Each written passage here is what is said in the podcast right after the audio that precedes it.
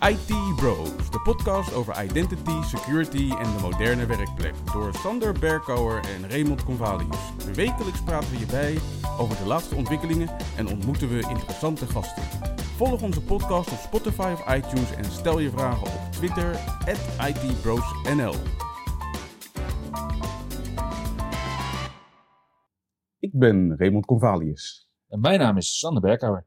Welkom bij aflevering 16 van seizoen 3 van de IT Bros podcast. Met in deze aflevering het meest recente nieuws, aankomende evenementen en uiteraard weer een productiviteitstip van Ray.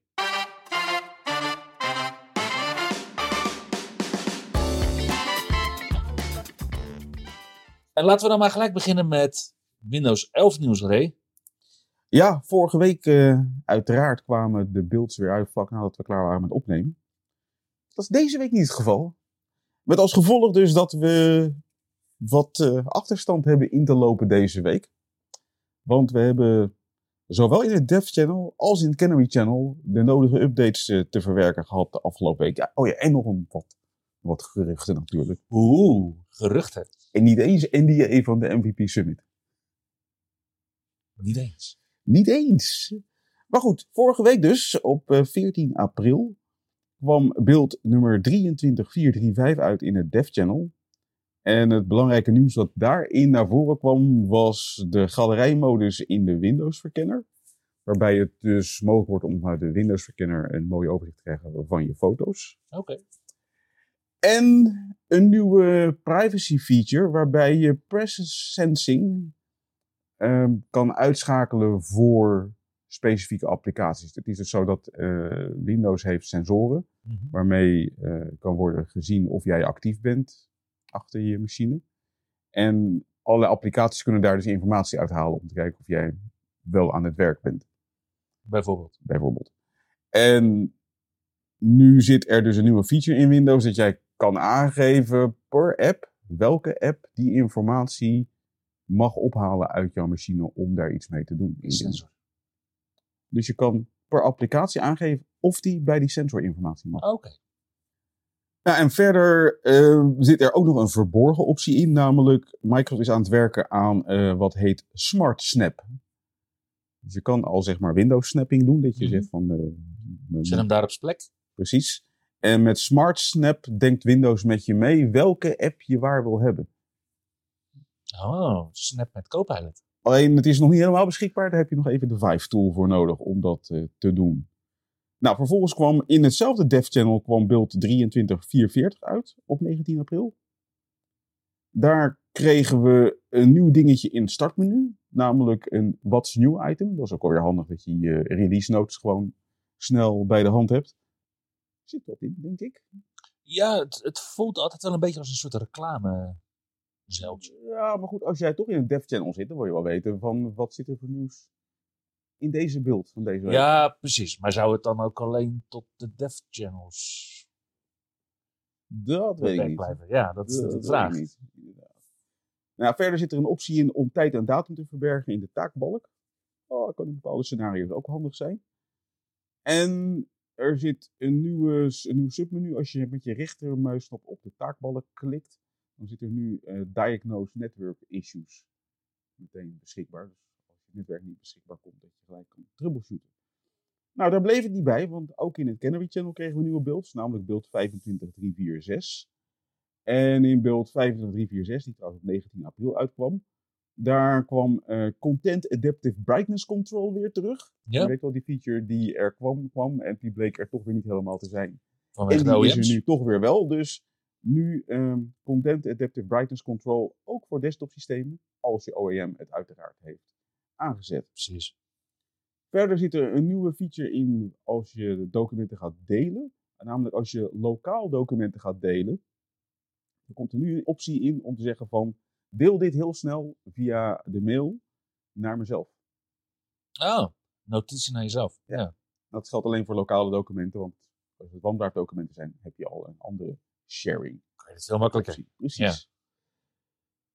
Verder zijn ze bezig met HDR wat beter, ja, zeg maar, energie-efficiënt te, te, maken door een optie nu te maken dat je kan zeggen van HDR alleen wanneer ik op de netstroom werk en niet wanneer ik op batterij werk. Ja, precies. En als laatste dus nog een, eh, een mooi geruchtje van, eh van twitteraar Ed Elbacor. Ik weet niet hoe hij dit nou weer voor elkaar heeft gekregen, maar hij heeft een demo filmpje op Twitter gezet. Waarin hij laat zien dat de Windows 11 taakbalk naast je icons labels laat zien. Oh, zoals vroeger in Windows XP. Precies. hè? Oké. En het schijnt dat heel veel mensen daar ontzettend blij van worden.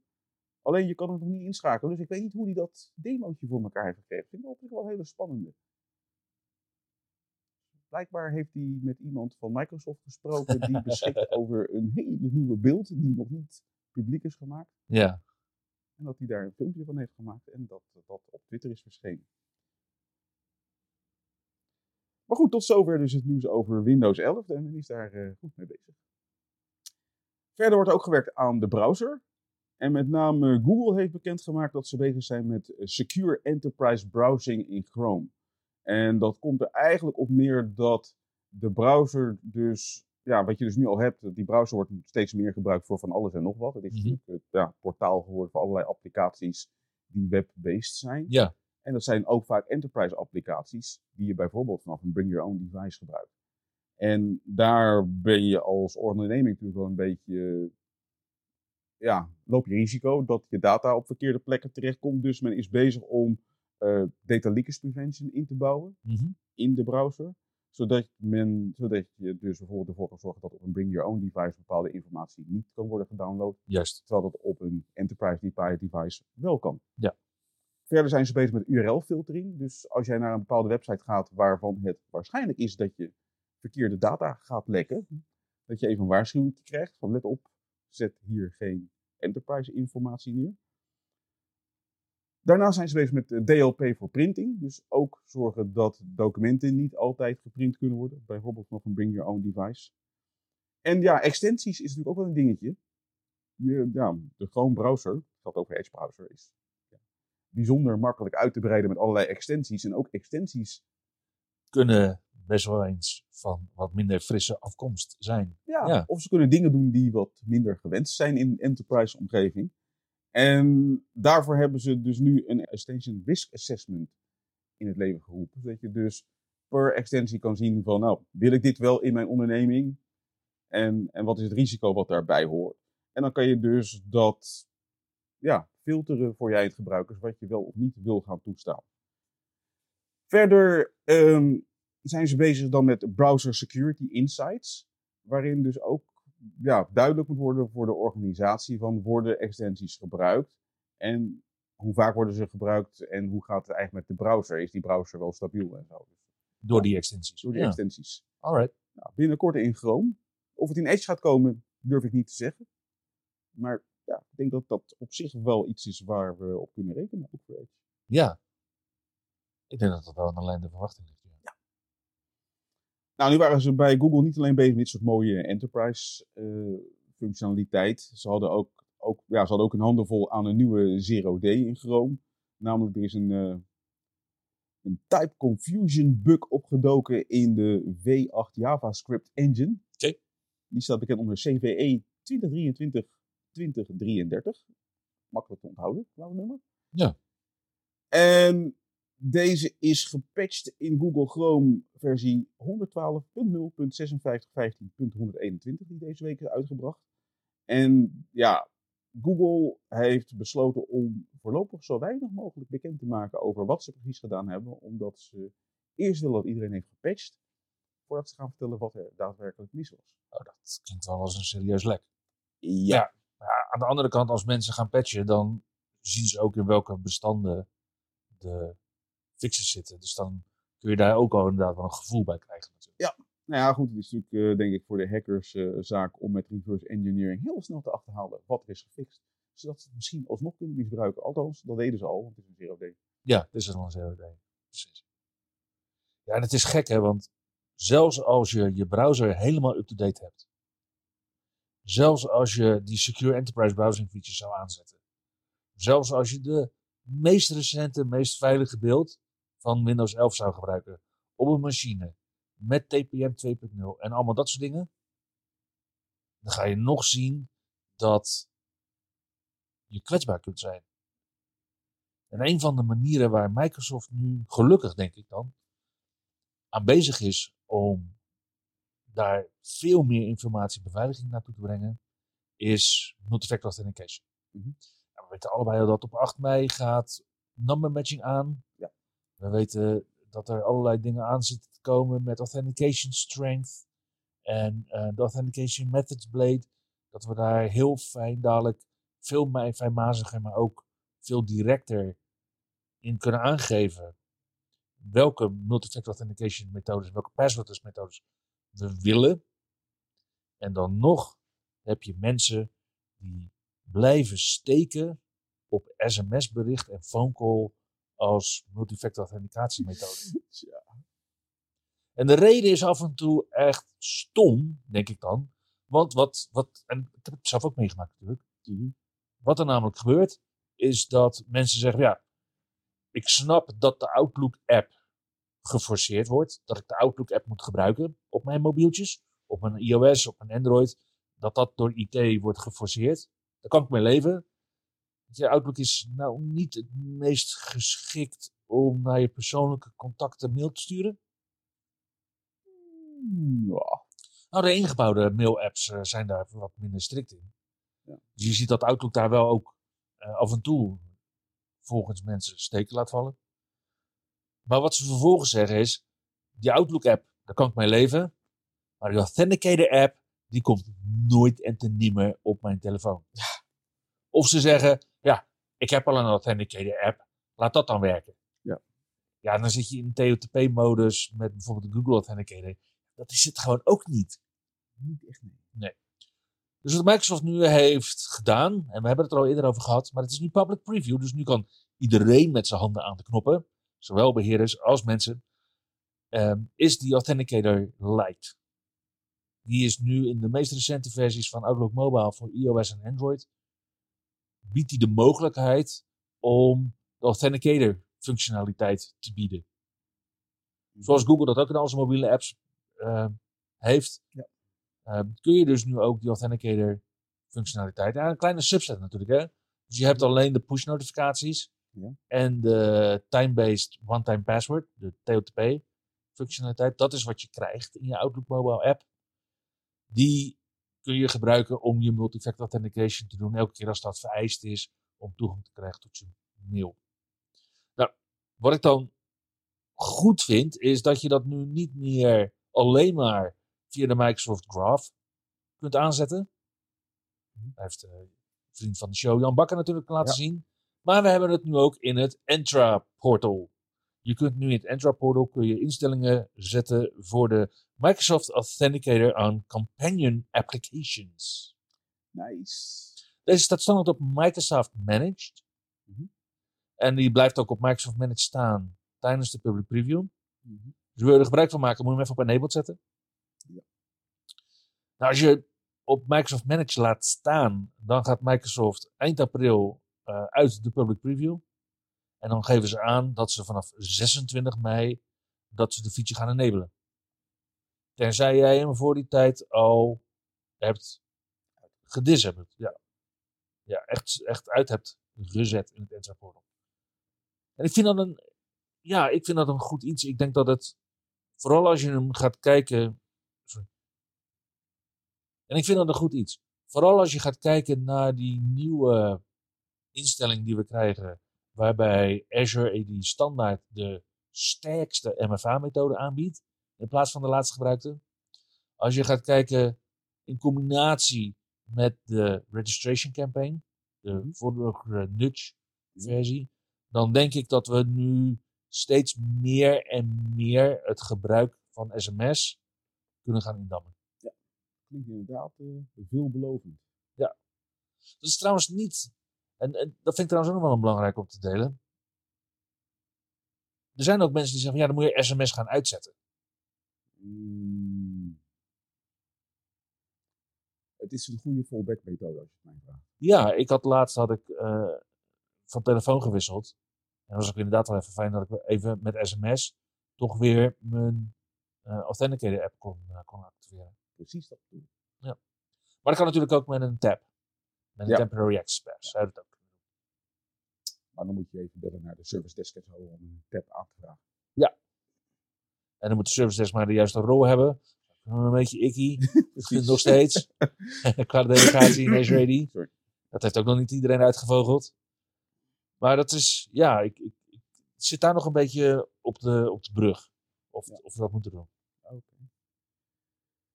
Nou, qua security was er ook alweer het nodige te beleven de afgelopen week. Sowieso hadden we natuurlijk laatst de hack bij Western Digital. En dat die hun eh, MyCloud service eh, offline hebben moeten brengen. Nou, het heeft uiteindelijk geduurd van eh, 2 april tot 14 april. En later is bekend geworden dat ze al op 26 maart gehackt waren. En nou ja, nu zijn ze weliswaar weer online, maar de hacker geeft aan dat hij nog niet klaar is met ze. Want die beweert te beschikken over ja, een aanzienlijke hoeveelheid informatie van Western Digital. Waarmee hij ze probeert af te persen. En die eiste een bedrag van acht cijfers. Om Western Digital te behoeden van een eh, ja, waarschijnlijk desastreus datalek. Precies, dan hebben we het over acht cijfers voor de komma. Ja.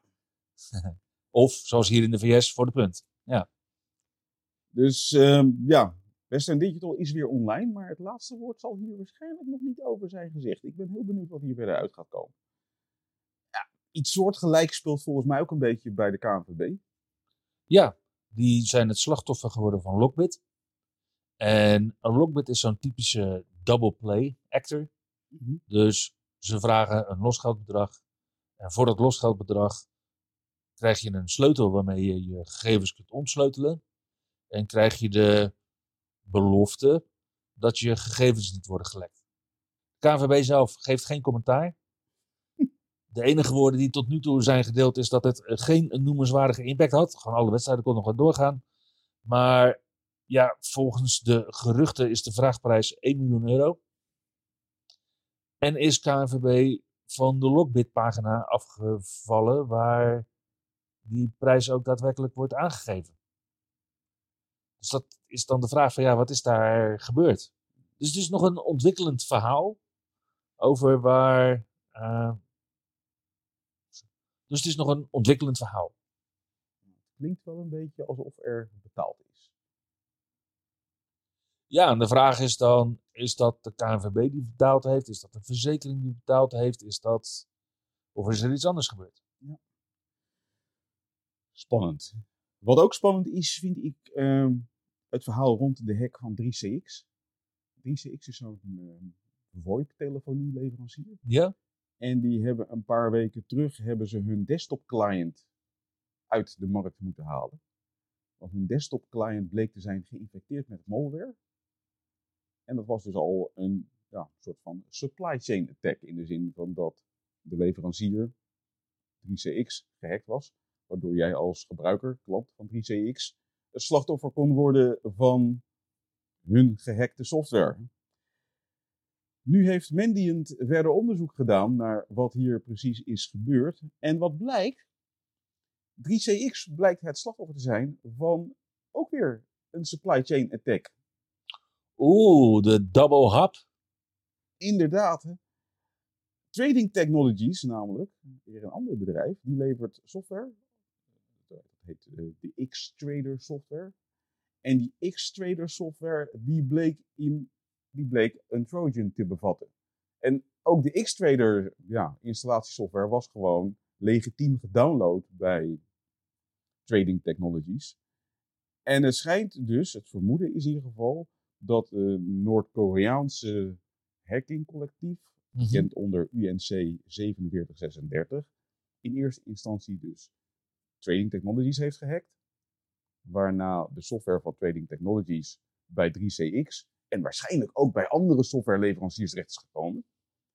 Waarna 3CX is gehackt, waarna dus de 3CX desktop software kon worden verspreid bij de klanten van 3CX. Ik denk dat ook hier het laatste woord nog niet over is verteld. Dat waarschijnlijk er nu naast wordt gezocht naar de andere slachtoffers van X-Trading. Ja. Ja, omdat dat nu natuurlijk zo'n beetje patient zero blijkt te zijn. Inderdaad. En het zou best wel eens kunnen dat daar ook nog een supply chain hop voor zit natuurlijk. Wie weet. Ja, Maar het wordt wel een dingetje, dit eh, multi-hop supply chain attacks. Ja, en jij had het al over UNC 4736. En dat, ja, dat, dat klinkt natuurlijk leuk, vooral in een podcast. Ja. Weet je wel, lekkere afkortingen. Maar ja, als jij als SOC-analyst of als informatiebeveiligingsrapporteur daar natuurlijk mee bezig bent, is het niet heel handig om allemaal dat soort afkortingen te gebruiken. Nee. En wat Microsoft nu aangeeft is dat ze ons sneller inzicht in welke digitale bedreigingen op ons afkomen wil geven. En dat proberen ze nu met een nieuwe naamgevingsconventie die gebaseerd is op het weer. Ja, ik vind het geniaal, want wij Nederlanders wij kunnen altijd klagen over het weer. Ja. En nu kunnen we dus ook veel makkelijker klagen over dat soort threat actors. Ja. En wat je ziet is dat Microsoft daar typische weerfenomenen toepast om onder andere de oorsprong van malware te duiden. En dat betekent dat als je een malware actor tegenkomt die wordt aangegeven als tyfoon, dat dat een Chinese actor is. Heeft het iets met zandstorm, dan komt het uit Iran. Dus bijvoorbeeld de Phosphorus groep. Mhm. Dat wordt nu Mint Sandstorm. Zodat je gelijk ziet dat het inderdaad een Iraanse acteur is. En ja, voor Noord-Korea gebruiken ze dan het woord sleet. En dat laat zich het meest vertalen tot natte sneeuw.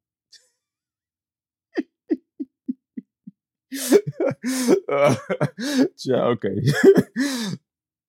Of ze daar in Noord-Korea zo eh, Ja. trots op zijn, dat vraag ik me af. maar goed.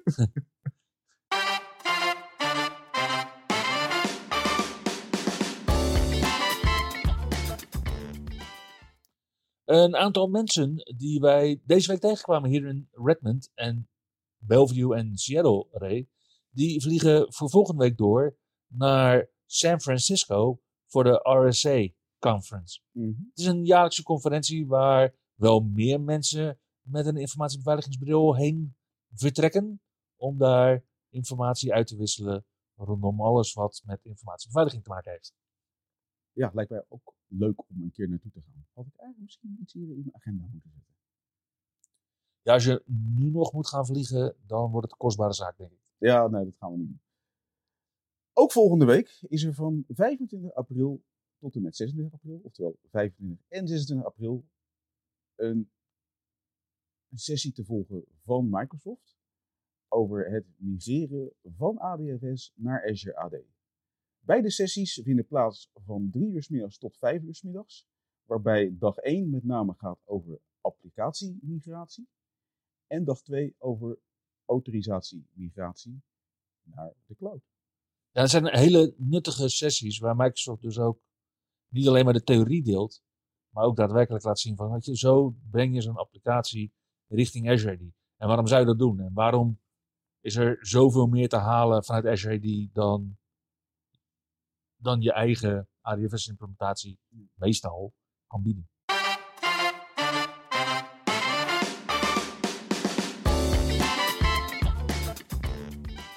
En Ray, wat is de productiviteitstip deze week? Nou, deze week heb ik me laten inspireren door Donna Sarkar. Ah, die inspireert wel vaker. Ik vind vooral met haar, eh, met haar cultuur. ja, nee, ze is inderdaad een bijzonder eh, inspirerende dame eh, binnen onze IT-community. En ze geeft ook regelmatig aan dat ze nogal overhoop ligt met de hoeveelheid informatie die tot haar komt. Ja. En daar heb je nu natuurlijk wel fantastische AI-mogelijkheden voor. Met name eh, in Bing Chat zitten er leuke mogelijkheden.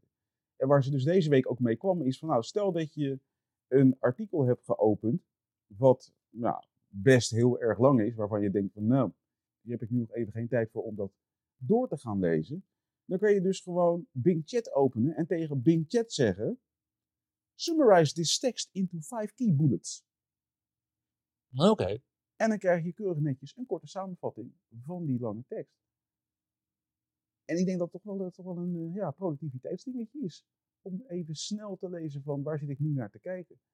Wat ik nog wilde uitproberen is van werkt dit ook in het Nederlands? Ik denk het haast wel. Aangezien Bing Chat gewoon gebaseerd is op ChatGPT 4. Ja. Dus dat zou ook voor eh, lange krantenartikelen en zo wel eens hele leuke resultaten op kunnen leveren. En al die journalisten die elke dag weer zitten te worstelen om kopij te leveren. Creatief zijn met woorden om helemaal dingen te... En wat doen wij? Hé, hey, dankjewel. Doe even vijf key bullet points. Thanks. Later hè. Ja, maar ja, soms is dat nodig. Soms Ja. is het ook gewoon fijn om het, gewoon een hele krantartikel te leveren. Dat doe ik ook vaak genoeg. nou, daarmee komen we aan het einde van aflevering 16 van seizoen 3 van de IT Bros podcast. Dankjewel voor het luisteren. En tot volgende week. Tot de volgende keer. Je luisterde naar IT Bros, de wekelijkse podcast over identity, security en de moderne werkplek. Abonneer je op Spotify, iTunes of Google Podcast als je de volgende aflevering niet wilt missen. Heb je hints of tips? Laat dan van je horen op Twitter. @itbrosnl